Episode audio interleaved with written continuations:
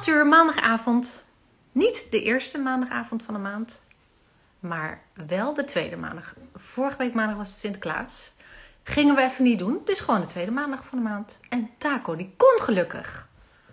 Lieve mensen, welkom. Iedereen die binnenkomt druppelen. Annick, J de la C, Peter, Lee. Jullie hebben allemaal van die moeilijke Instagram namen. Taco, ja, jij hebt een makkelijke naam. Laveke, Laveke. Leuk dat jullie binnendruppelen. Alweer de laatste Moestuin Live van dit jaar. Ik heb hem niet elke maand uh, gehad. Maar in december toch een leuke uitsmijter. Waar we eens even over plannen gaan praten. De nieuwe moestuinplannen. Ervaring van afgelopen jaar. Jij kunt je vragen stellen. Want dat is het leuke van Moestuin Live. Je krijgt heel veel inspiratie, informatie, maar je kunt ook je vragen stellen. Die ga ik natuurlijk ook stellen aan mijn gast Taco vandaag. Menke kijkt mee, Wendy, Patricia, Desiree, welkom allemaal, Suzette. Ik heb even mijn bril op, want anders kan ik het niet lezen. Even wat wegklikken. Um, kleine introductie voor de mensen die voor het eerst. Zijn er mensen die voor het eerst kijken? Dat is de eerste vraag. De tweede vraag is: is het allemaal eh, duidelijk hoorbaar en zichtbaar? Hebben we een goede verbinding? Laat even weten wat je daarvan vindt. Kaatje zegt hi hi. Colin die gaat weer moderaten, dus die uh, zorgt dat uh, als je vragen hebt, dat die juist terechtkomen. Carla kijkt mee, Marianne, Saskia, Kaatje. Ja, zegt Kaatje, gelukkig. Um, Brenda, dan, leuk dat je meekijkt. Hele korte introductie voordat we Taco erbij gaan halen. Dit is denk ik het derde of het tweede seizoen. Nee, tweede seizoen. Moet niet overdrijven, Jessica. Van Moestuin Live begonnen. Het plan uh, in de lockdownperiode, omdat ik het zo leuk vond om met mensen te praten over hier langs gaan, ging allemaal niet. Toen dacht ik, waarom gaan we het niet gewoon via twee beeldschermpjes doen? Dus zo is het begonnen. Hele leuke gasten gehad de afgelopen twee seizoenen. Annick, hoi. Oh, fijn, prima verbinding. Handmade Morella, heel duidelijk verbinding, gelukkig. Trude kijkt mee, Tanja kijkt mee. Um, dus vanavond, december, de laatste. Als je vragen hebt, die kun je dus nu al droppen in, uh, hieronder. Dan, uh, dan gaat Colin ze voor je verzamelen. Ik ga even zoeken waar Taco is. Moet het ook weer? Ja, Taco. Ja. Wij wachten. En dan van een paar kilometer verderop komt erbij Taco IJzerman. Oftewel, de wandelende groene encyclopedie. Ja, daar is hij. Ja, hij wandelt niet, hè? hij zit nu. Hij zit nu, ja. Ja, gelukkig maar, want het is veel prettiger praten. Een beter beeld ook. Ja, kan je me horen? Ik kan jou horen, ja. Ik zet je wel wat harder hier. Ik zit niet op een kasteel dit keer, dus er is ook Oh ja, betere verbinding. Yes. En hoe gaat het met het boek? Want daarom zat je vorige keer op het kasteel. Het bleef stil. Oh, nou dan gaan we gewoon. Uh... Het is een heel dik boek, hè? Oh ja. Ja, nee, daar doe je jaren over, Taco. Ja. Nee, ja, het begin is er. Dat, dat is zo. Oh. Ja. En, toen, en dan is er weer een pauze. Ja. En we hadden mee te maken ook met de drukte op de moestuin of gewoon even tijd voor andere dingen? Nou, kijk, jij weet dat natuurlijk, maar schrijven is eigenlijk niet zo leuk. De dingen waar je over wil schrijven zijn heel leuk, maar schrijven over de dingen die je graag wil doen, is niet per se leuk. Dus, uh, nou, ik ben nog niet met pensioen. Nee, joh. Er is nog een kans. Ja, joh. Nou zeg, iedereen die gepensioneerd is, denkt ook, wat krijgen we nou? En ik dan? Ja, dat kan ook. Dus ik kan het ook, ik kan het ook echt op de lange baan schuiven. Ja, Nou ja, de, dat zien we vanavond wel, of niet. Maar uh, we gaan gewoon lekker kletsen vanavond. Fijn dat je erbij bent, uh, Taco. Voor ja, mensen die jou nog niet... dat jij je bril af hebt gedaan, want dan kan ik hem opdoen. Oh. Dus Ja. als ik hem nou opzet, dan doe jij hem weer af. Ja. Ja. hey, eh, stel je even kort voor, voor de mensen die jou nog niet kennen. En nou ja, ik ben Taco, Taco IJzerman. En eh, wat ik doe is over het algemeen groen. Dat heeft te maken met eh, tuinbouw, historische moestuinen, advies geven, telen, eh, mezelf moe maken. Ehm, en dat al heel lang. Dat al heel lang, ja. Ja. Jezelf moe maken is toch best fijn in de tuin, toch? Allemaal rek- en strekoefeningen en eh, Ja. zeulen, trekken. Kijk, het is de moestuin of een sportschool. Ja. En je bent, als ik heel eerlijk ben, is het ook gewoon de moestuin of een psychiatrische inrichting. Ja, Dus, ja. dus de moestuin betekent voor mij nogal wat. ja zo hé. Oeh, Nou. die mag nooit wegvallen, want dan krijgen we echt een probleem. Nou ja, dit is een heel mooi boek geschreven, hè? Tuinieren voor de ziel. Echt een mooi wetenschappelijk boek over dat dat dus echt nou, voor een heleboel mensen eh, gewoon fijn is. En dat wisten Ja. we al. Maar dat weten wetenschappers dus ook. Dus dan ben ik niet Ja. per se bijna gek. Maar dan ben ik gewoon een mens. Ja. Het is normaal bijna. Het is bijna normaal. Ja, ja. Ja, die tuin die is fantastisch natuurlijk. Dus daar gaan we het lekker over hebben vanavond. Ja. Ehm, heb je vandaag nog wat uit de tuin gegeten? Savoy kool, aardappels. Dat was het. Het was een beetje een prakkie. Oh, lekker prakkie. Ja. Ik hou van prakkies. Ja, het was goed prakkie. Mooi. Hey, en als je eh, terugkijkt naar afgelopen seizoen, eh, heb je nog eh, nieuwe ontdekkingen gedaan, heftige missers of fantastische hoogtepunten onverwacht meegemaakt? A dirty mind is joy forever. We laten we het hebben over de missers. Oh ja, de Ja, missers. je zegt prachtige hoogtepunten. Nee, het- ja, ja, de mais die ging kloten. Echt. Ik De had, wat? de mais, suikermais. Oh, Ik, heb, eh, ik heb een aantal moestuinen, hè, dus eh, totaal 600 vierkante meter. En één van de plekken is nieuw.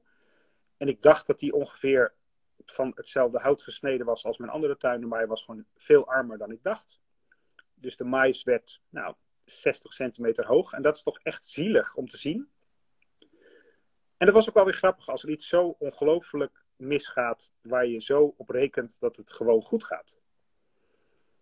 Eh, nou, dat is, dat is een beetje echt eh, een, een misser. Verder ging een heleboel hartstikke lekker. Alleen, ik heb een beetje, ja, want nu zitten we in de kou, maar ik heb een beetje vanwege de droogte van de zomer, want daar komen we ook vandaan, hè, de hitte en de droogte, behoorlijk. heb ik eh, de veldsla, de winterpostelijn en de spinazie eigenlijk net een beetje later gezaaid dan ik normaal doe. Ja, Dus dat is nu allemaal een beetje klein. Ja.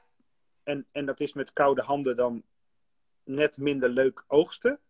Want eigenlijk wil je mooie rozetjes. En nu, en nu ben je nog, nou ja, goed.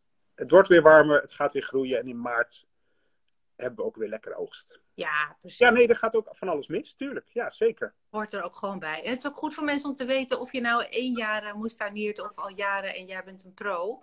Dat er gewoon dingen mislukken, hoort er ook gewoon een beetje bij natuurlijk. Als je al uh, 21, 22 jaar moestuiniert, gaat er regelmatig ook nog wat mis. Ja, ja. Ja. Hey, en die bodem, want je ging er dus een beetje vanuit van, dus wel hetzelfde. Wat, wat, waar ging je vanuit? Of had je onderzoek gedaan? Of hoe ging dat?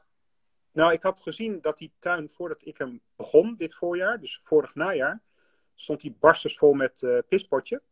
Uh, pispotje is uh, heggerank? Nee, heggewinde. Die grote witte bloemen. Oh, ja, ja, ja. ja met grote ja, ja. wortelstokken en zo.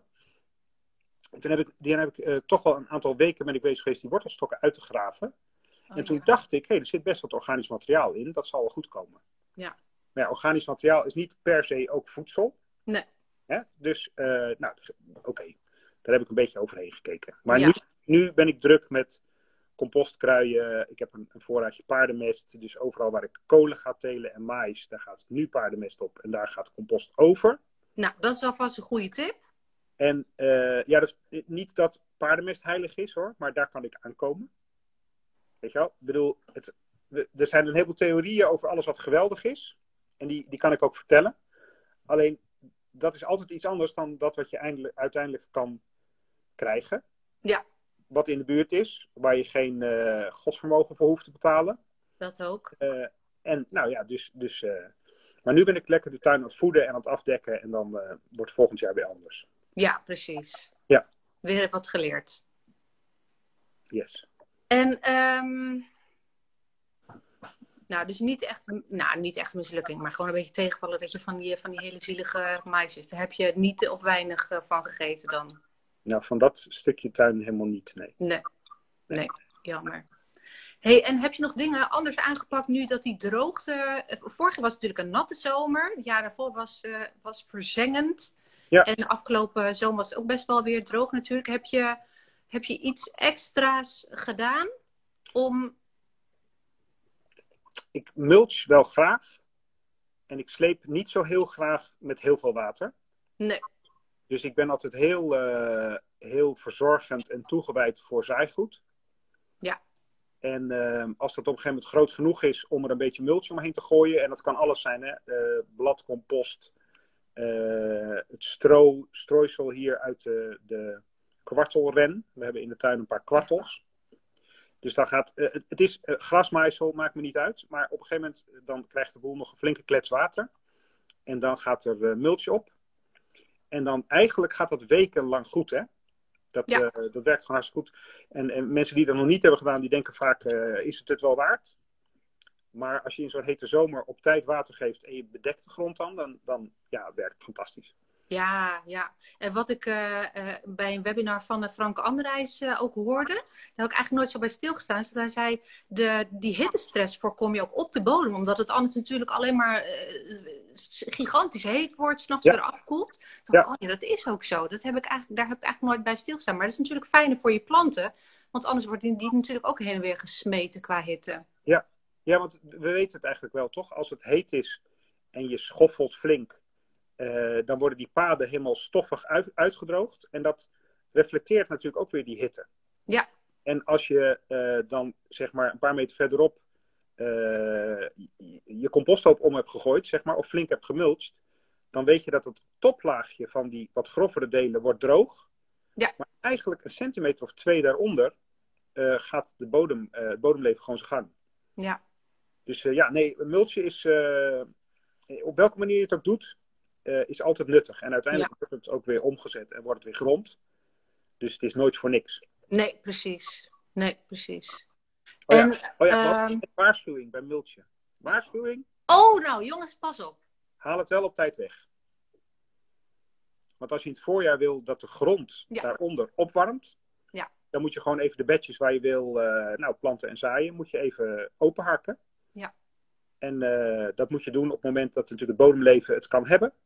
Ja. Maar eh, het zaaimoment van je, van je eigen groente gaat gewoon voor. Dus als je dan zegt, ik wil eh, in februari worteltjes zaaien. Nou, dan gaat op dat stukje dus gewoon de mulch eraf.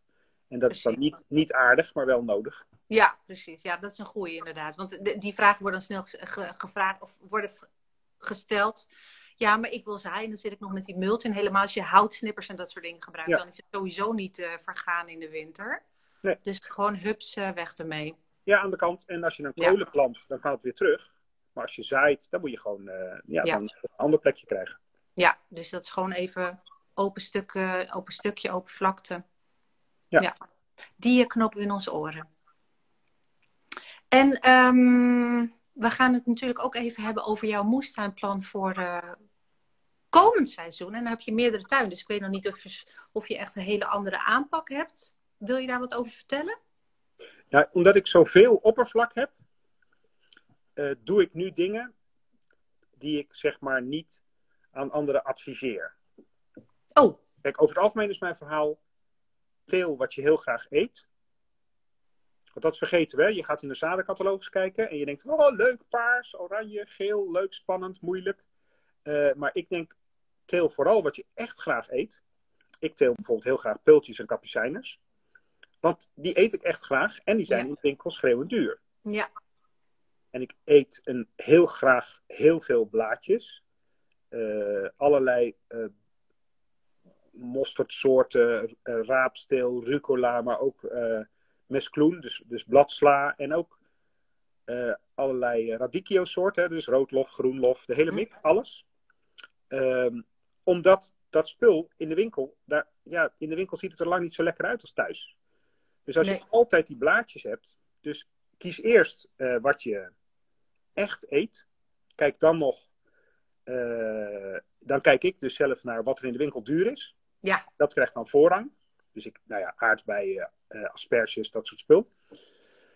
Eh, maar nu ik zoveel oppervlak heb, eh, teel ik dus, heb ik ook afgelopen jaar droge Mexicaanse boontjes geteeld. Gewoon zwarte boontjes. Oh, leuk. Ja, en dat slaat nergens op. Want het is per vierkante meter niet rendabel. Ja. Maar het is wel hartstikke leuk voor de grond. Het is een gewasje waar weinig onkruid in opkomt. Dus het Hm. kost ook weinig moeite. Ja. Eh, en in het najaar is het natuurlijk hartstikke leuk om gewoon één keer te ontdekken dat van 3,5 vierkante meter heb je, nou wat was het, nog geen 3 kilo bonen. Maar het was wel leuk. Ja, joh. Ja. Ja, en als je de ruimte hebt, dan kun je dat permitteren. Precies. En ik had wat meer aardappels dan normaal. Eh, ja, ik heb hier een heleboel tieners in huis, dus dat, die aardappels komen wel op. En ja, dat is gewoon lekker. Ja. En even kijken, ja, ik heb, ik heb flink op die nieuwe tuin flink wat fruit erbij gezet. Oh, Gewoon aalbessen, josta-bessen, hè, de kruising tussen kruisbessen en Ja. zwarte bessen. Zwarte bessen erbij. Ja, dat is ook gewoon van dat eh chique snoepgoed. Ja. Als je dat hebt, word je gewoon blij. ja. Ja. Ja, ja slim. Ehm, en over, ehm, de- nou, dus je zegt ik heb meer ruimte, dus dan kan ik me ook gewoon wat, wat eh, minder, eh, zeg maar, rendabele eh, Ja. gewassen kan ik me veroorloven. Ja. Maar als jij nu, stel je kijkt even naar, e, nee, laten we toch even dan hebben over, jij gaat, je hebt je inkomen gedaan, je hebt nog zaden, je hebt even gecheckt, wat, wat heb ik nog allemaal, wat, wat heb ik nieuw nodig, of Ja. kan ik ruilen, weet ik veel. Ach, en dan ga je, Nou, mijn dochter is er. Ik zie er binnenkomen net. oh, en die heb je al heel lang niet gezien. Nee, die zit naar ons te kijken. Oh! Een dochter van 21, die ziet haar, nu haar hippe vader op Insta. Dat is toch echt geweldig. Ja, de populaire vader hoor. Oh. Nou, pak even een zakdoek, even, Ja. even de tranen wegdeppen. Ja. Oké, ik heb mijn zaden gecheckt. Ja. Dat zei je. Ik Ja. heb mijn zadencatalogus ernaast. En wat was dan je vraag? Ehm, dus hoe ga je het aanpakken? Want je weet wat je wilt. Ja. Misschien ga je nog wat nieuws proberen. Ja. Ehm, Maar eh, hoe ga je het aanpakken? Wat, hoe maak jij jouw plan? Waar ba- baseer je dat op? Nou, sowieso alles wat je uit een zadencatalogus bestelt, betekent, als dat iets anders is dan wat je teelde, betekent het dat er dus iets moet wegvallen. Ja. Want anders heb je op een gegeven moment 3000 zadenzakjes. Ja. En dat risico is er. En dan heb je geen idee meer wat waar moet. Dus Ja. ik heb gewoon een, een vast oppervlak per gewasgroep.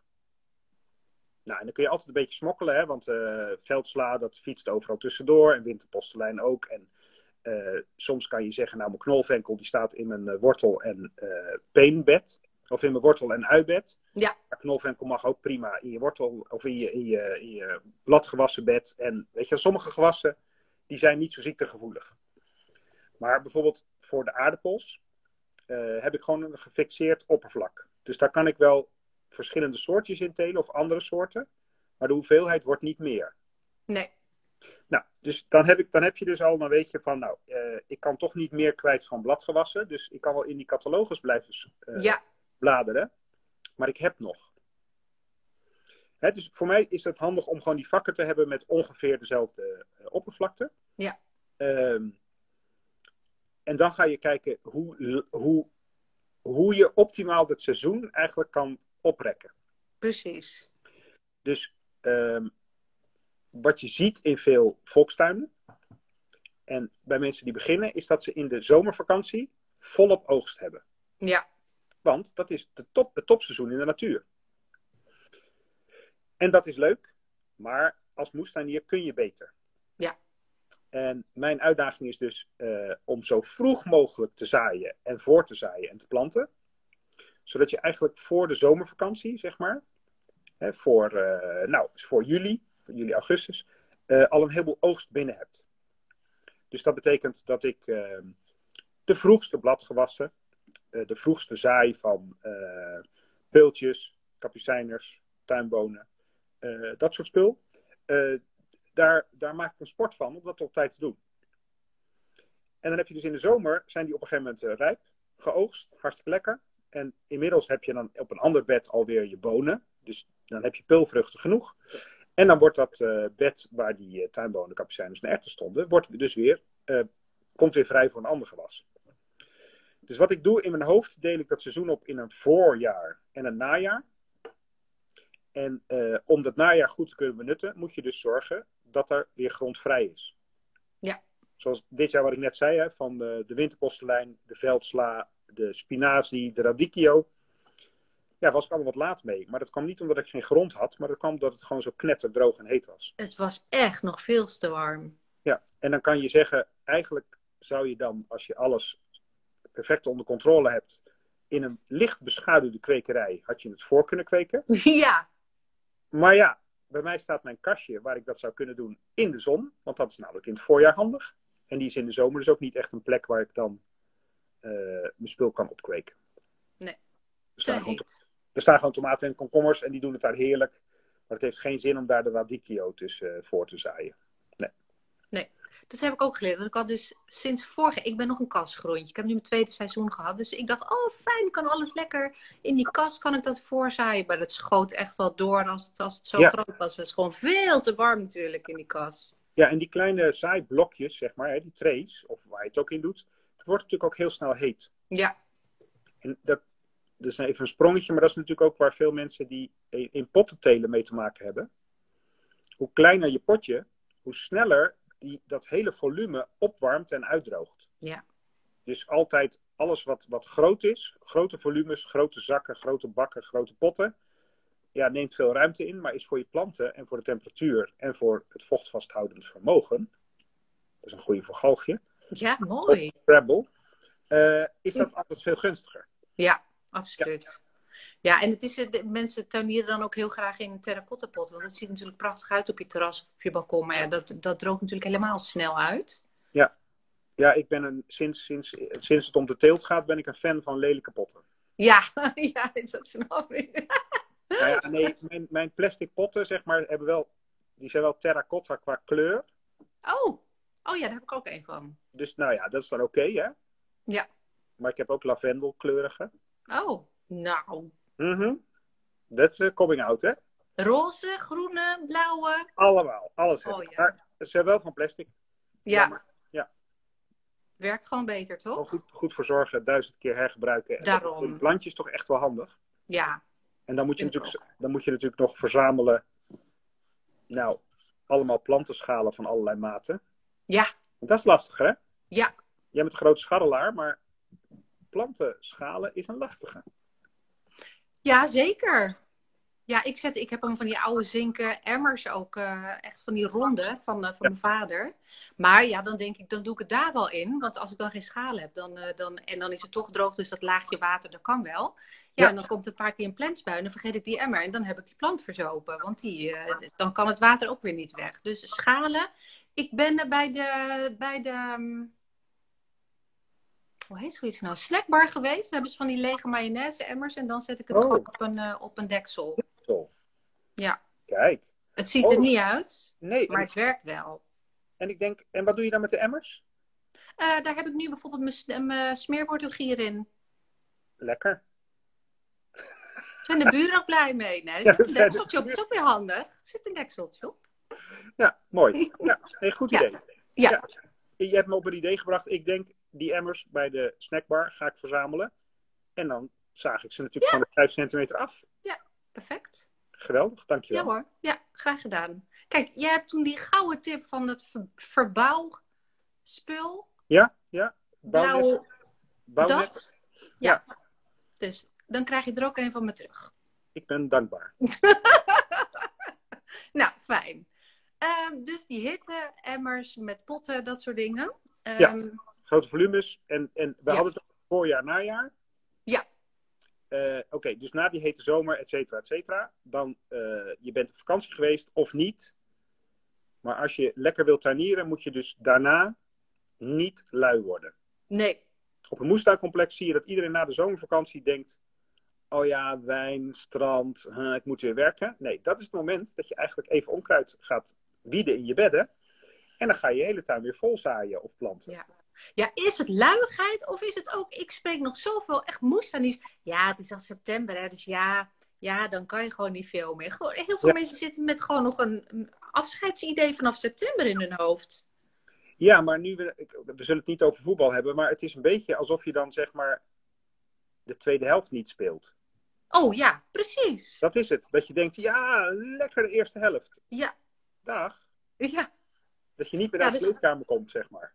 Hele goede vergelijking. Nee, eh, ja, en je weet toch, als je in, eh, in augustus, september, zelfs in oktober als het mee zit, hè, eh, als je door blijft zaaien, dan kun je dus echt ook, nou nu na de kou, want er staat natuurlijk wel wat, maar na de kou kun je weer lekker gaan oogsten en dan gaat dat wel door tot, nou april. En een enkele keer kun je, als het weer mee zit, begin mei nog je hergroeiende snijbiet of zo oogsten. Weet je wel, dan gaat het echt door. Ja, zeker.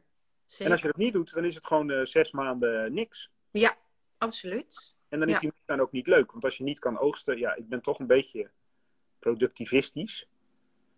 Maar als je helemaal niks kan oogsten, voor op een broodje kaas of zo, iets, een blaadje of een nog, ja, dan, eh, dan is het alleen maar sportschool. Je moet wel een Ja. beloning. Ja, ja, precies. Ja. ja, ik ben het helemaal met je eens. Sommige Ja. mensen zeggen van het is ook wel lekker om even een paar maanden niks te doen. Maar dan denk ik, ja, ik wil gewoon inderdaad eh, even, even wat kunnen eten van eigen bodem. Ja. Ja, en dat kan ook. En je hebt natuurlijk de, de, het, het, eh, eh, wat ik bij sommige mensen die net zijn begonnen merk, is dat ze een beetje teleurgesteld zijn van ja, maar ik kon in het najaar kon ik zaaien, dat heb ik gedaan, maar nu komt er niks op. En je hebt natuurlijk een verschil tussen wat er dan snel groeit. Bijvoorbeeld je winterpostelijn kan je, kan je best wel snel oogsten. Of ik had nog lekker wat dillen. Een tip van jou van vorig jaar had je gegeven. Ja. In september nog lekker je dillen zaaien. Maar er zijn natuurlijk ook gewassen die je dan in het najaar zaait. Maar die echt nog even op zich laten wachten. Ja, ja. Ja, ik, ik noem het altijd eh, snelle blaadjes.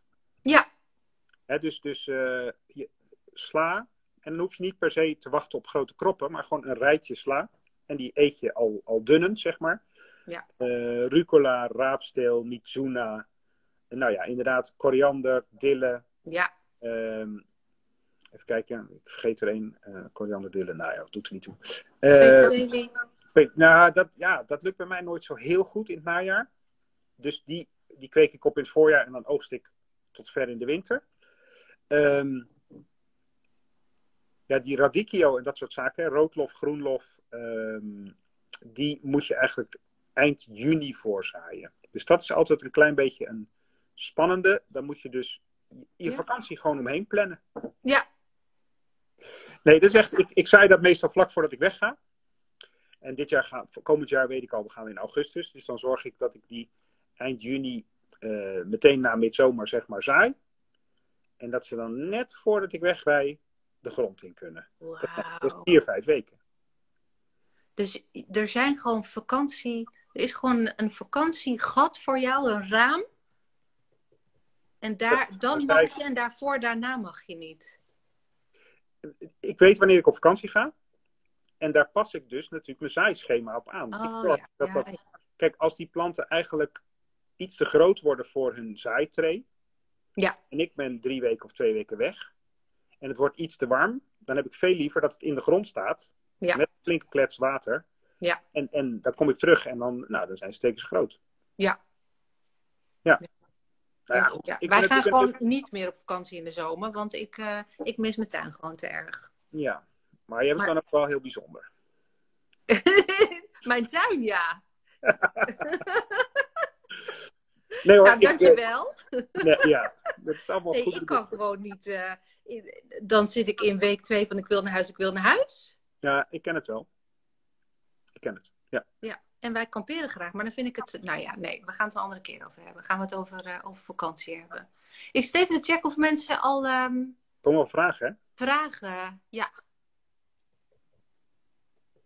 Oh, Carlijn, de groene buurvrouw, vraagt: wat zijn mooie gewassen voor een balkon in de schaduw Mhm. en een balkon in het half zon in pot? Ja, schaduw, dan komen we weer op datzelfde lijstje eh, snelle blaadjes. Eh, want blaadjes over het algemeen, eh, die hebben gewoon, omdat, ze, omdat je ze als blad oogst en niet als plant of als kool of als vrucht, hebben ze minder licht nodig. Ja. Eh, kijk, een radijsje, mits de temperatuur hoog genoeg is, die gaat het daar ook nog wel doen. Want er is wel indirect licht, zeg maar. Hè? Ja. Dat is er altijd. Ja, en, en, en, en op ja, een balkon in de halfschaduw, dat hangt een beetje vanaf hoeveel uur het is. Maar daar kan al wel weer een heleboel eigenlijk. Hè, ik bedoel, daar zou ik geen. Eh, bijvoorbeeld tomaten, die, die moeten lang rijpen. Maar kersttomaatjes of Ja, krenttomaatjes, weet je, van die hele leuke kleine, nou, die hebben niet zoveel nodig. En als je die Ja. oogst en daarna leg je ze nog even op een bordje in de vensterbank, dan worden ze echt wel zoet. Ja. Eh, dus ik denk in, de, in halfschaduw ja, kan bijna alles, behalve eh, natuurlijk gewoon de grotere vruchten. De grotere vruchten hebben gewoon licht nodig. Dus ik bedoel, je gaat in de, op een balkon in de halfschaduw, zou ik niet proberen om een aubergine te telen. Nee. Eh, maar verder, ja, bijna alles. Ja, geen grote kolen. Maar bijvoorbeeld zelfs koolrabi kan goed in bakken en potten. Hm? Hè, koolrabi kan heel goed. Dat is een heel leuk gewas. Voor Ja, de plantenbak. heel leuk. Maar daar waar weinig zon is, daar is weinig energie. Dus daar moet je plantjes kweken. Die ook niet over een lange periode die energie nodig hebben. En Precies. al die kleine blaadjes, dat is natuurlijk gewoon één stadium verder dan de kiemen die je ook in de vensterbank kan doen. Ja. Nou, dat gaat lukken in de schaduw. Ja. Ja. Nou, dan heb je toch een heerlijk eh slabuffetje met, met allemaal soorten, wat je net al opnoemde. Hm, Vind ik ook. Ja. Fantastisch. Ja. Even kijken. Marianne vraagt. Ik zet even mijn bril op. Oh, dan moet ik hem afdoen. Ja. Oh, je wordt Jaco genoemd. Taco. Jaco. Oh, Jaco is ook leuk. Is ook leuk. Waar heb jij je beste struiken gehaald en staan ze in de volle zon? Eh, nou, waar heb ik mijn beste struiken gehaald? Ik denk dat ik nog nooit in mijn leven een beste struik heb gehaald. Want. Ik, ja, ik, als ik ergens iets proef wat ik lekker vind, of ik zie een ras wat ik mooi vind, hè, dus grote bessen of wat dan ook, dan kijk ik of de eigenaar heel vriendelijk aan. En dan vraag ik, als hij gaat snoeien in het najaar, of ik stekken mag. Hè, gewoon stekken van een centimeter of twintig. Eh, of ik kijk ze niet aardig aan. En ik loop in het najaar langs. En dan. ja, een enkele keer kom je een struik tegen waar je de eigenaar niet van kent. Ja. En ik, kan, ik weet wel wat ik moet snoeien, zodat ik ze niet. zodat ik die plant niet mol. Ja. Nee, dus meestal- zijn-. Meestal zijn het mensen of bedrijven die ik ken. En vroeger gaf ik ook veel eh, snoeiworkshops. En als je dan natuurlijk weet wat je snoeit, dan kun je wel snoeihout meenemen. Ja. Dus eh, even kijken, ik heb. ehm, Jij, jij, jij brengt er gewoon een factuur na afloop. Ik heb even je heg gesnoeid. Alsjeblieft, eerst mijn factuur. Dat is het. Dat zou het. Nee, maar ik heb natuurlijk. eh, Kijk, je hebt groene, zeg maar witte kruisbessen. Je hebt rode kruisbessen. En ik weet wel wat voor rassen het zijn. Het zijn moderne Japanse rassen. Die zijn minder virus. eh, nee, minder schimmelgevoelig. Jostabes heb je volgens mij maar één variëteit van. Dus heb je geen rassen van. Dus Jostabes is de kruising tussen de kruisbes en de zwarte Ik bes. ken alleen hoge en lage soorten, maar eh, Ja. Nee, in zwarte bes heb je wel een aantal rassen van. En volgens mij heet die van mij Titania. oké. Dat is alleen met grote, grote bessen. Eh, nou, dat is wat je wil. En dan heb ik drie soorten aalbessen waarvan ik de naam niet meer weet. Die heb ik ergens opgeschreven. Vroeg, midden, laat. En als ik het nu zou doen, zou ik die later niet meer zetten, want die wordt eigenlijk nooit echt lekker. Oh, Dus ik zou vroege en middelvroege eh aalbessen zetten. En ik heb nog witte aalbessen. En volgens mij, ja, die heten natuurlijk altijd iets van Alba, Blanca, oh ja. Ja, Swan. eh, nou, zoiets. ja. Maar ik vermoed dat dat ook niet echt grote verschillen zijn tussen de rassen. Ehm, nou, dat is het denk ik wel. Oh ja, ja, ik heb natuurlijk ook wel frambozen en gele frambozen en bramen, doornloze bramen. Dat soort dingen. Ja, En dat is ook allemaal gewoon gejat of wortelstek of ruilen of dat. ja. Is zo makkelijk ook, hè? Ja, en kijk, ik, ik tuineer natuurlijk op een moestuincomplex. Ik heb wel eens, ook wel eens een moestuincomplex. Maar het is, ik op een moestuincomplex. En ja, daar, daar kun je de hele tijd... eh, ik zeg ook, als ik mijn frambozen, zeg maar, eh fatsoeneer... dan zeg ik, jongens, daar staat een bosje met stek. Nou, en zo eh, kun je elkaar helpen. Ja, is fantastisch. Op een complex is dat nog makkelijker, inderdaad. Ja. Heel leuk, ja. Nou, dus nou, dat hebben we. Staan ze in de volle zon? Hadden we het daar al over gehad? Dat was de tweede vraag van Oh, Marianne. staat in de volle zon? Eh, ja, nou, eh, nee. Eh, een deel staat in de volle zon. En een deel staat in, ja, een beetje in de schaduw. Omdat gewoon ik een buurman heb die, die bomen in zijn tuin heeft. Ehm, en dan is de vraag, is dat erg? Nou, ik heb niet anders, dus is het het. Ja, Kijk, de volle zon is wel natuurlijk altijd beter, want dan is het zoeter. Maar doordat ik een deel in de zon heb staan en een deel in de schaduw, worden de middenlate rassen net nog iets later.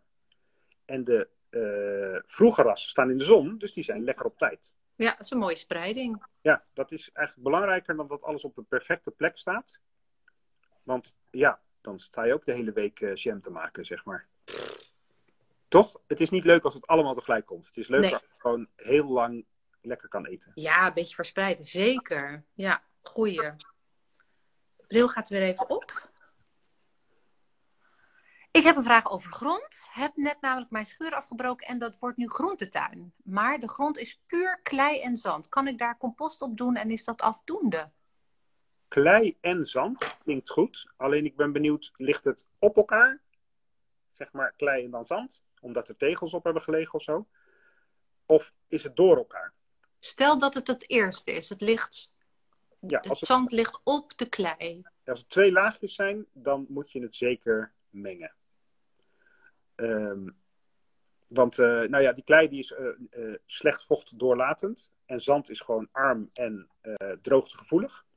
Maar als je het mengt, dan kan het best een basis zijn. En als je dat dan toch gaat mengen, zou ik zeggen, zorg dat je er meteen ook een beetje compost. en als dat er niet is, alle oude potgrond die je hebt. Nou, iets wat een beetje sponsachtig is, wat vocht vasthoudt geen blad of zo, weet je wel. Dus wel iets wat verteerd is. Ja. Nou, en dat meng je. En, en dan zou ik wel uh, zorgen dat die, die, uh, ja, die klei echt uh, minstens 20 centimeter gemengd wordt met dat zand. Dus en daarna ga je... Sorry, ga je gang. Nee, ga je gang. Oh, dank je. ja, nee, ik wilde alleen maar zeggen, dat wordt gewoon een sportschoolmoment. Dat was alles eigenlijk. Maar ja, nee, ja, het is echt te verwerken. Ja. Ik heb, ik heb zo'n grelinette, zo'n woelvork. Ja, een woelvork, dus het is gewoon rechtop. Precies. Nou, dus en daarna, ga je, daarna ga je voeren van boven. Daarna ga je gewoon van bovenaf compost voeren en water geven. En dan moeten de wormen en uh, de rest van het bodemleven moeten jou gaan helpen. Precies, want er zullen misschien mensen zijn die zeggen: ja, maar ik wil niet spitten. Nou, helemaal prima. Maar voor dat eerste moment is het best wel even goed. Omdat het anders één kledderbende wordt als het, uh, als het regent. Ja. En je gewoon wat organisch materiaal nodig hebt om uh, het doorlaatbaar te maken. En een beetje sponsachtig. Ja, nou ja, kijk, als je zegt ik wil niet spitten, dat is, dat is prima. Maar de uitgangssituatie, zoals wij hem verbeelden, hè, er ligt klei, daarop ligt zand, de tegels zijn eraf. Die is natuurlijk niet natuurlijk. Dus dan kun je wel zeggen, de natuur lost het wel op. Maar dan moet je gewoon 30 jaar voor uittrekken. Dat ja, dan moet je heel veel geduld hebben. Ja, dus dan kun je beter zeggen, ik ben ook natuur. En ik help, ik help mijn omgeving een handje. Ja, ja, ja. ja, heel mooi. Want er zijn natuurlijk ook al discussies over van in hoeverre meng je je daarin. Maar je mengt je daar alleen omdat je een moestuin gaat aanleggen. Dus het is sowieso, is er al iets onnatuurlijks voor dat stukje wordt er, eh, wordt er gedaan. Land- en tuinbouw, zeg maar allebei, hè? Gewoon groente telen, dat is gewoon uh, cultuur. Ja. Agriculture. Ja, moet het toch eten? En uh, daar, daar zit dat hele, dat hele hoe noem je dat, palet van, van uh, wild plukken naar voedselbos, naar uh, gemengde teelten, naar permacultuur, naar meer eenjarige zoals een moestuin, naar intensieve teelt, naar uh, hoe heet het, op, op glaswol en water en ja. weet ik wat allemaal. Dat hele palet zit eronder. En daar moet je in kiezen wat je prettig vindt. Ja. En, en wat je doel is. Mijn doel is jaar rond lekker eten en moe naar bed. Ja, ja precies. Met spierpijn. Mm, graag. Yes. Ja. Nou, heel goed. Dan... Jongens, jongens. Dit had ik een jaar toch geleden nog niet nodig hoor. Even kijken. Oh ja, op elkaar uh, bevestigste. Dus ons, ons idee van uh, ja. klei en zand klopte. Even kijken. Ja. Pauline zegt misschien een tip. Terracottepotten kun je een voering geven van oude plastic zakken tegen verdamping. Ja, leuk. Goeie tip. Ja, zeker. Als je dan toch een zak uh, tuinaard hebt gehaald of compost of zo of iets anders, dan... Uh... Ja. ja, hartstikke leuk. En dan ziet het er toch mooi uit. Ja. Een paar kleine gaatjes onderin. Ja, zeker niet vergeten. Even kijken. Maria. Ik, zie, ja? ik, zie er, ik zie er één staan. Hoi taco staat er. Oh, nou, behandel jij die even taco. Heb je een tip voor piepers die wat beter tegen de droogte kunnen? Uh, ja. Nou, uh, heb ik dat. Ik ontwijk de droogte. Ik teel uh, zonder bestrijdingsmiddelen, et cetera. Dus ik teel robuuste rassen. Dat betekent bij mij dat ik alleen maar biologische, moderne rassen aardappels teel. Die vroeg of middelvroeg oogstbaar zijn. Ja. Nou, en dat hele verhaal, eh, dat betekent dus dat je aardappels de grond ingaan, zeg maar, hè, eh, tweede helft van maart. eh, eh, of iets later als de grond nog heel koud is. Eh, en dan zijn ze oogstbaar. Nou, eh, de eerste aardappels zijn oogstbaar voordat je op vakantie gaat. Ja. Zeg maar, hè. Eh, juli, eind, soms eind juni al, hè, Ja. de eerste. En eh, eh, als je dus vroege rassen hebt, die hebben minder dagen nodig om groot te worden. En dat is niet dat je kleine aardappels hebt, maar dan heb je echt grote aardappels. Eh, dan, dan voorkom je de droogte. En ja, daarna wordt het soms droog, maar dat is vaak juli, augustus. Ja. Ehm, dus dat is mijn manier om eh, aardappels te telen. Ja. Vroege rassen, eh, biologische, biologisch uitgangsmateriaal. En dat heet vaak ook zoiets als robuuste rassen. Omdat ze gewoon een stootje kunnen hebben en die zijn niet zo gevoelig voor Phytophthora in het blad of in de knol. En dat lukt bij mij al heel lang goed. Ja. Top tip. Yes. Goh, ik lukt echt niet hoor. Oh, even kijken, Marianne. Oh, bedankt. Bedankt voor de tips. Oh, excuus Taco voor je naam. Nou, volgens mij is die goedgekeurd hoor, Jaco. Ja. Ja hoor. Ja, Taco de Jaco. Even kijken, zijn er nog meer vragen inmiddels? Ga ik hier nog even kijken. Oh. Cool, heb jij nog meer vragen? Oh, nou. Zullen we dan even naar eh, het mini-rubriekje heb ik eh, in het leven geroepen eh, toen ik jou vroeg. De rubriek zin en onzin. Ja. Nou, ik denk dat er best een boel onzin is. Over Wat, hè? Er is best een boel onzin over moestuinieren. Ja. Sowieso, kijk, ehm, alle methodes hebben ook situaties waarin ze niet goed werken. Ja. En ehm, je hoort veel mensen nu, omdat er zijn een heleboel mooie namen hè, voor eh, alle duurzame vormen van moestuinieren. En die hebben dus het idee dat dat de oplossing is voor Oh, hun ja? en voor de wereld. Ja. En dat de buurman het dus ook niet goed doet. Nou is het bij mijn moestuin wel zo dat mijn buren het niet goed doen. nee, nee, maar het is echt volslagen onzin. Want je gaat, je, eh, bij heel veel van die methoden ga je uit van het ideaalplaatje. Dat je er dus altijd op het goede moment kan zijn. eh, dat je grond een redelijke uitgangssituatie heeft. Dat je de komende 30 jaar tijd hebt om eh, de boel op te knappen. Terwijl soms eh, huur je gewoon een moestuin voor de 10 jaar dat je er woont. En kijk, eh, je, je weet het, luisteraars weten het niet. Ik ben gewoon een biologisch tuinder. Ik wil die grond goed verzorgen. Ik ben ook echt een geitenwolle sok. Maar dat betekent niet dat je moet gaan zitten dromen. Dus vaak is gezond verstand, ehm, zonder vooroordelen, zeg maar, is een hele goede om de zin van de onzin te scheiden. Ja, Die mooi. vrouw die net zegt van, eh, ga ik mengen? Ja, je wil die grond mengen. Is, is het ideaal om de grond ieder jaar te mengen? Nee, dat is niet ideaal. Maar als je een huis betrekt, dan wil je hem ook eerst schilderen in de kleuren die jij fijn vindt. Dus dan start je een uitgangssituatie, dan gebeurt er heel van alles. En daarna hoef je misschien eh, 10, 15 jaar niet meer te schilderen. Toch? Ja. Nou, maar zin en onzin. ehm, onzin was dus, in september is het seizoen voorbij. Ja. Want in augustus en september is echt nog eh, het tweede seizoen begint. Dat is fantastisch. Ehm, onzin is, mulch is heilig. Maar mulch is wel heel nuttig. Eh, ik zelf ben voor een moestuin, dus als je een beperkt oppervlak hebt en je hebt ook eh, beperkte tijd dat je daarin wilt werken of kunt werken, en je wilt wel oogst, dan ben ik zeer terughoudend met eh, alle systemen die draaien op veel meerjarige gewassen. Oh. Kijk, natuurlijk heb ik bessen, natuurlijk heb ik asperges, natuurlijk heb ik rabarber. ehm, allemaal meerjarig. Ehm, maar het meeste wat je oogst is, zijn toch eenjarigen. Ja. En ik heb ook Eeuwig Moes. En ik heb ehm, Brave Hendrik. Weet je, al die, alle, al die leuke oude dingen. Maar als je daar... eh, ja, ik heb gewoon eh, drie tieners hier rondlopen. En soms vier. Als je die met Brave Hendrik moet voederen... Terwijl je een spinazieschotel wil maken. Ja, dat werkt gewoon niet. Is Ja, het hartstikke handig als je een paar vierkante meter spinazie kan oogsten. ja. Eh, dus ik zeg, maak niks heilig. Behalve voor mij dat ik geen chemie gebruik.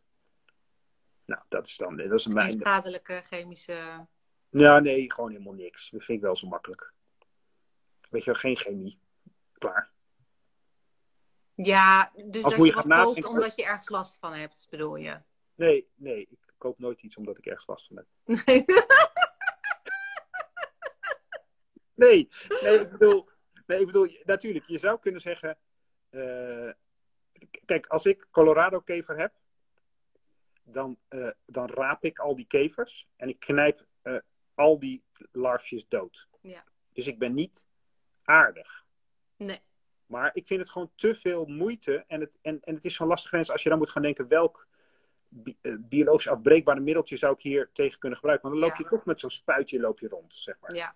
Maar, Maar- gebruik, maak de, ik gebruik natuurlijk bijvoorbeeld eh, smeerwortelgier of brandnetelgier onverdund. Dat wel, dus wat je zelf kunt maken, dat gebruik je. Maar geen, eh, nou ja, al die dingen die in de tuincentra. Ja, ik begrijp je. Nee, ja. Dus of er nou een biologisch afbreekbare st- op staat of niet. Nou ja, kijk. Oh ja, zin en onzin. Niks is, niks is helemaal waar. Want het is wel zo dat ik in mijn achtertuin vorig jaar, of het jaar daarvoor, het jaar daarvoor. eh, Glyfosaat heb gebruikt. nee, biologisch afbreekbare slakkenkorrels Oh ja, dat heb je toen verteld. In je kas. in mijn kas. Ja, en dan gingen ze gewoon allemaal dood. Ja. En daar was ik best tevreden mee. Eh, en ik had wel, toen had ik wel gekeken naar, eh, je hebt, je hebt eh, soorten die zijn, nou, die zijn niet helemaal veilig. Ook al zeggen ze dan dat vogeltjes de dode slakken wel op mogen eten. Maar ik heb dan wel de veiligste versie. Ja, ja, kortom, we hadden het over zin en onzin, hè? En Ja. Nu, heb ik, nu heb ik het eigenlijk meer over overtuigingen. ja. Zin en onzin. Ook nuttig, maar zin en onzin. Nou, bijvoorbeeld, ik zie heel veel mensen.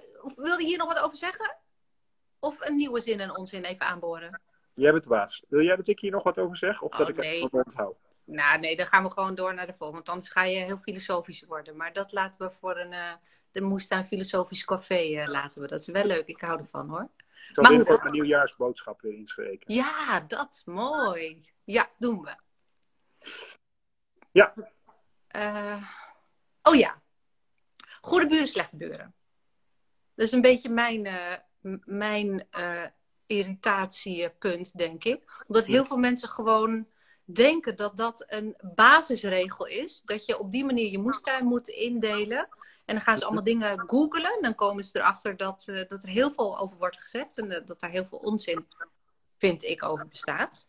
Ja. Waardoor mensen in de kramp komen en niet meer weten wanneer ze moeten zijn. Als je dan ook nog met voor- en nateelt werkt, dan kom je helemaal in een probleem natuurlijk. Ja. Dus wat is jouw ervaring met eh, goede buren, slechte buren? Oh, moet ik het eerst even uitleggen trouwens? Mocht iemand daar geen, nog nooit van hebben gehoord. Mhm. Dus er is een, eh, correct me if I'm wrong, maar er, er zijn zeg maar ideeën over je moet bepaalde eh, planten naast elkaar eh, zetten. Nou, bijvoorbeeld ui en wortel, helemaal prima. Natuurlijk, dat helpt elkaar.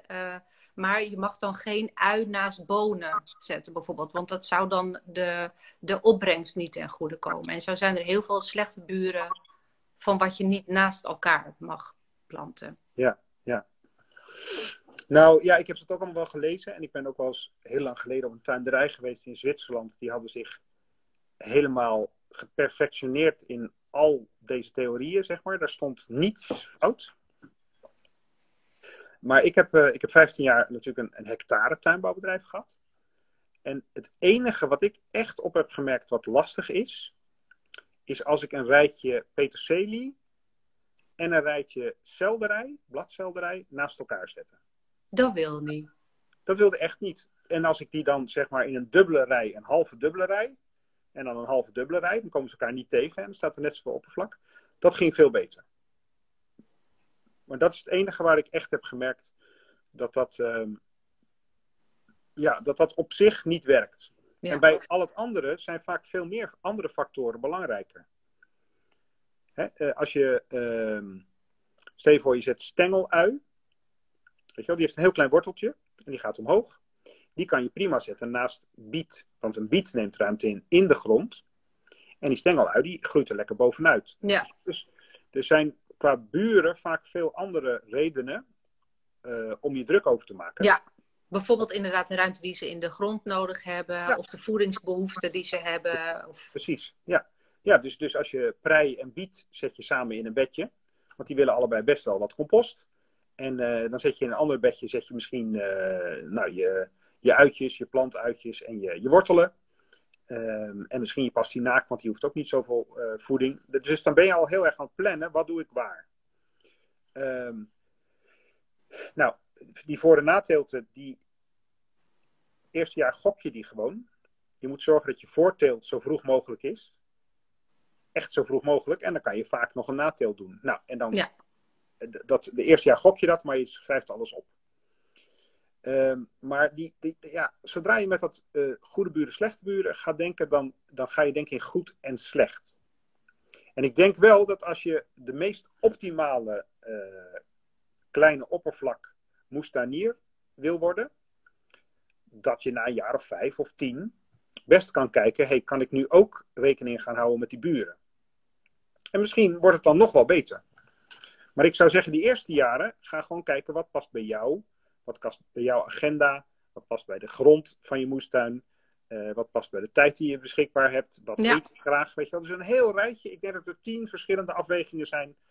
Voordat ik zou zeggen, ga je heel druk maken over eh, de buren. Ja. Ehm, en dat is eigenlijk, hoe, hoewel ik het verschrikkelijk charmant vind, eh, ook zo met alle zaaikalenders die er zijn. Hè? Ehm, Maria Toen, planeten, zon, maan. Ik weet dat de maan invloed heeft op eb en vloed, op water, op vochtgehalte in bomen. Allemaal waar. Maar als je die agenda neerlegt en daarna leg je het lijstje van de perfecte buren. En daarna leg je je eigen agenda. En Ja, nou, eh, er zijn ook een heleboel mensen op aarde die al die agenda's nog nooit gezien hebben. En Ja. die ook lekker jaar rond uit hun eh, market garden, zeg maar, oogsten. ja, Ik precies. zou eerst aan de gang gaan. Eerst aan de gang, hele goeie. Ja. Even kijken, is er nog iets Ja. binnengekomen? Van tuinman. Tuin, oh ja, hier. Hebben jullie ervaring met winterpostelijn om het zilt op te kweken? Het zou lekkerder zijn. Zilt, om het zilt Oh. te spreken. Bedoelde eigenlijk de radicchio. Of, oh, wacht even. Oh, wacht, het zijn allemaal vragen. Ik moet even kijken waar ik moet beginnen. verkeerd? Zit ik verkeerd, Col? Ik heb, Ik zit in de vragen te kijken. Of zit jij... eh, ja, dan zit je. Oh, de eerste, sorry, van Tuinman. Zijn er planten die nog afgedekt moeten worden tegen de vorst? Oh ja, daar had ik ook een, inderdaad. Die vraag was al binnengekomen, ja. Dus nu, het, ga- het vriest of het gaat vriezen. En eh, iedereen gaat dan alles bedekken. Maar dat is ook niet allemaal nodig natuurlijk. Dus wat wel, wat niet. Nou, er zijn een aantal dingen al wel gewoon dood, toch? Oh, mijn snijbiet, nog nooit eerder gehad. Nijbiet, Oost-Indische Prut. kers, eh, Nieuw-Zeelandse spinazie. Weet je, Ja. dat is gewoon echt definitief eh, Ja. voorbij. Daar kunnen we niks meer tegen afdekken. Nee, nee. En ter aarde bestellen hoeft ook niet, want dat doet, dan doen de wormen gewoon. Ja. Vanzelf. Nee, ehm, ja, wat heb ik gedaan? Ik heb uh, gisteren een heleboel blad op mijn vervennen gegooid. Ja. Want ik neem altijd het risico met vervennen. Eigenlijk is dat een mediterrane plant. En eigenlijk is het van oorsprong een Amazoneplant. Maar goed, in de mediterrane regio doet hij het goed. Daar heb ik gewoon een heleboel blad op gegooid. Um, ik heb een vliesdoekje met tunnelboogjes over mijn veldsla. Uh, maar dat is ook omdat er dan, ja, met, die, met die, uh, al die blaadjes nu en al die viezigheid in de natuur, zeg maar. Hè, dan kan ik schoon oogsten. Ja. En natuurlijk scheelt het ook een boel vorst. Want eh, anders gaat hij elke dag, elke nacht uh, of ochtend bevriest en rijpt erop. Dus veldsla en spinazie en winterpostelijn. Die krijgen bij mij een vriesdoekje. Maar het is ook vooral omdat het dan gewoon makkelijker oogst. Ja. Ehm, ze kunnen zonder.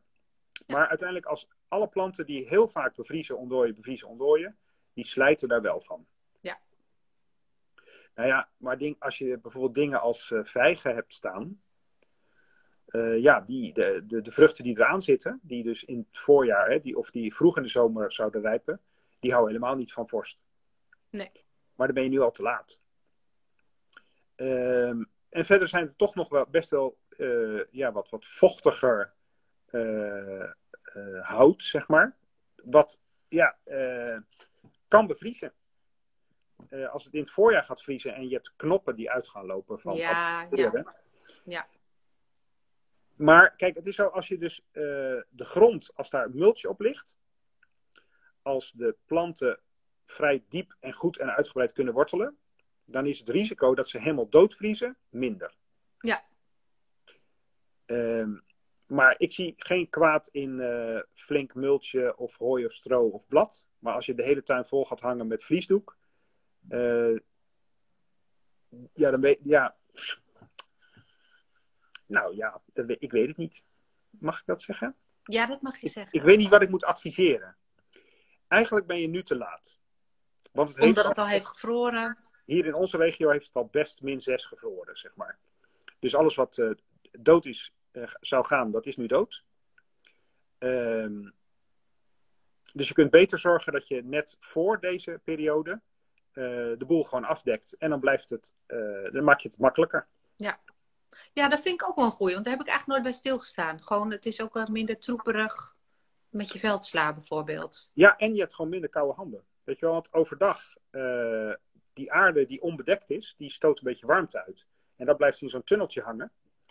En dan ga ik dus heen. Ik ben echt een, een verschrikkelijke bikkel, maar ik heb ook een hekel aan koude handen. Ja, En als je je, je veldsla en je winterpostelijn zo bevroren, eh, nou weet ik niet. Misschien ben ik een beetje een watje, maar ik vind dit wel fijn zo.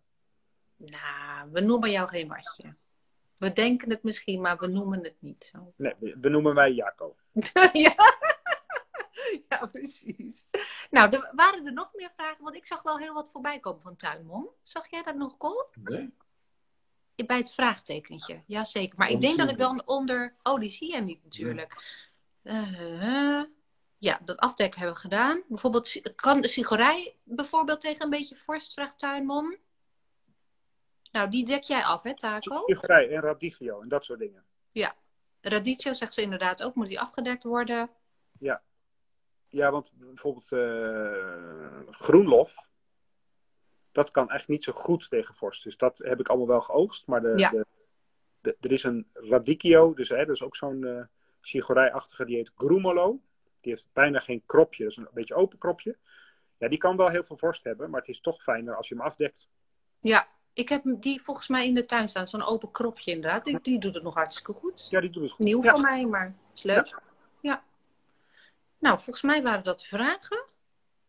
Heb jij nog een zin en onzin eh eh, dingen die je graag wil delen? Ja, ik had, ik had vanmiddag een heleboel eh, paraat, maar eh, Oh, die had ik natuurlijk even op moeten schrijven. Hè? Ja. Ja. Zin en onzin. Er is, er is veel meer onzin. Oh ja, wat een leuke is. Water geven in de zon. Dat mag niet. oh ja. Nou, dat is natuurlijk onzin. Want ze zeggen, ja, er zit chloor in het water en dan verbleekt dat. Of dan brandt de zon erop, sowieso, Nou. of de zon. Als een soort vergrootglaseffect. Of Ja. er zit Oh. chloor in het water en dan, dan verbrandt dat. Nou ja, in, in de regio waar wij zitten, jij en ik, zit geen chloor in het drinkwater. Nee, we hebben mooi water. We hebben hartstikke mooi water. Dus misschien dat daar waar je veel chloor in het drinkwater hebt, maar dat is sowieso niet zo fijn natuurlijk als je daar veel mee moet eh, beregenen dan hè, voor je grond. Want chloor is niet zo'n fijne stof voor je Nee. planten. Eh, maar het idee is dat er dus lensjes, de druppels, die, ehm, die eh, vergroten het zonlicht en dan verbranden je bladeren. Nou, dat is natuurlijk echt volslagen kul. Kijk Ja, want naar... iedere keer als het regent, dan ben je je oogst kwijt. Nou, maar er er zijn hele complete ecosystemen in hele warme, zonrijke gebieden in de wereld.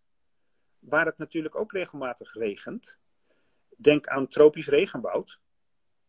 Eh, daar verbrandt niks. Dus dat is echt iets. Kijk, wat wel zo is, en dat is misschien wel de, de oorsprong van het verhaal, dat als je natuurlijk ijskoud kraanwater overdag op je tuin sproeit, nou, dan krijgen die planten natuurlijk een, een, een. Punt 2, je beregent op het moment dat het eigenlijk allemaal weer verdampt. Ja. Ehm, dus je doet wel iets onnozels, maar het heeft niks te maken met dat het gaat verbranden. Nee. Het is veel handiger om s'morgens heel vroeg onder je planten water te geven. En het is nog handiger om s'avonds, uh, als de hitte van de zon weg is of de zon ondergaat, om dan te beregenen. En dan Ja. kan je de hele nacht eh, in eh, trekken in de grond. Ja. Dus ja, maar misschien moeten mensen even eh, hun grootste overtuigingen. Dan kunnen wij gewoon zeggen zin of onzin. Dat ze dat noemen, dat ze dat nu gaan roepen, bedoel je?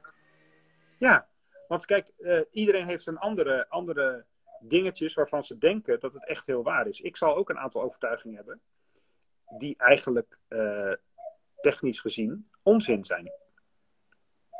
Maar die werken voor jou. Ja, ja, of ik geloof er gewoon heel erg in. Ja. Even kijken. Onderzoek naar de toestand van de bodem als je ergens nieuw start. Vind dat aan te raden? En zo ja, hoe? Eh, ja, zeker. Je kunt. eh, eh, nou, ik, heb, ik heb de eerste tuin die ik op dit complex had, heb ik een grondmonster laten nemen via zo'n grote landbouw thuiscentrum eh, groothandel ding. En dan krijg je een bodemmonster waarbij ze je alle kunstmeststoffen die zij in het assortiment hebben aanraden. Maar je krijgt wel een analyse. Dus ze zeggen, je hebt eigenlijk wat weinig stikstof of je hebt eh, kaliumgebrek. Eh, pas op met fosfaat of eh, dat soort dingen. Als je echt een bodemmonster laat nemen waar je echt wat aan hebt, dat kost al gauw 120, 130 euro. Maar dat zou je wel met een aantal tuinburen kunnen doen op een volkstuincomplex. Dat je zegt, we nemen vijf tuinen of we nemen tien tuinen. En dan ken je de basismateriaal van je tuin. Ja. En bij de een zie je, die grond is bruiner, die heeft veel meer compost gevoerd. Eh, ik heb net een tuin overgenomen, die is misschien wat, wat, wat schraler. Eh, dus dat zou kunnen. Ehm, maar als je het dus bij zo'n eh, ja, zo'n tuincentrum laat doen, dan, dan is dat bodemmonster helemaal afgestemd op wat zij jou kunnen verkopen. Maar dat is helemaal niet erg, want als je een tientje betaalt voor zo'n monster en je koopt niet hun meststoffen, dan weet je toch meer over je grond. Ja. En of het nou helemaal 100% nodig is. ehm, een monster zou nodig zijn als je twijfelt aan de zuiverheid van je grond. Hè? Ja. Eh, bijvoorbeeld, je hebt ste- steden waarin je oude eh industriële Industrie. hebt gehad. Nou, dat is, dat is, maar dat zijn gewoon dure tests. Dus die moet je ook met elkaar doen. Maar dan gaat het dus om zware metalen en eh, rottige dingen. Ja. Ehm, en meestal is het zo dat als je op een moestuincomplex zit, dan is er al wat voorwerk gedaan, dan hebben er al mensen geteeld. En dan is het met name een kwestie om gewoon zoveel mogelijk verschillende bronnen van organisch materiaal te gebruiken. Mooi. En dan heb je dus een heleboel, eh, nou, eh, sporenelementen, voedingselementen, micro-elementen. En ja, dan, dan zit alles er wel zo'n beetje in. Ja. En dan is het misschien het eerste jaar niet optimaal, omdat je niet precies weet wat je, wat je bodem nodig heeft. Maar dan heb je in ieder geval, eh, ben je goed gestart. Ja. En inderdaad goed wat je zegt, dat op, als er een vermoeden is eh, op vervuilde bodem. Dat heb je bijvoorbeeld, je hebt eh, een hele nieuwe terrein, stukje in Ede. En daar, daar werd gewoon van gezegd, je mag daar niet moestuinieren. Nee, precies. Vervuilde grond. Ja. Dus als dat vermoeden is, is het zeker aan te raden om zo'n officiële test te doen. En anders is het misschien een beetje zonder geld. Ja, ja, ja. Eh, Kijk, moestuincomplexen. eh, ja, tenzij er heel. Kijk, dat zou natuurlijk wel zo zijn als je op een moestuincomplex. als meer dan de helft van de moestuinen te huur staat. Ja, dan hoef je misschien geen bodemmonster meer te doen. ja dat vind ik een hele goeie. Want over het algemeen zijn moestuinen roofgoed, hè? er zijn wachtlijsten. Ja, Dus als er nou op een bepaalde plek. dan heb je of hele rottige buren. ja. eh, Of een heel streng bestuur. ja, dat zou ook kunnen. Nou ja, goed. Nee, als je chemie zou kunnen verwachten, dan zou ik zeggen: eh, besteed eh, die test maar. Maar vraag eerst je buren of zij dat misschien al hebben laten doen. Want het is toch elke keer 100, 120 euro. eh, dat Oh, ja. Ja, En ja, misschien ook even informeren van, zijn jullie hier eh, glyfosaat-fan? Wat wordt er allemaal Ja. gebruikt? Ja. Weet je ook een beetje wat erin zit, wat er niet in zit. Ja. Er kwam nog wat. Dit was een uitgebreid. Oh, wacht, nog iets. Oh. Bodemmonster laten doen, maar bevat geen chemicaliënlijst. Dat is jammer. Wij zitten hier in Alblasserdam, net 10 kilometer buiten. Oh, dat gem, gemoers. Oh, gat. En dat was een uitgebreid bodemonderzoek. Ja, maar kijk, zo'n laboratorium die doet voor een gewoon bodemonderzoek doen ze volgens mij vijf of zes stoffen, voedingsstoffen. Voor een Oh, uitgebreid bodemonderzoek doen ze er wel 15.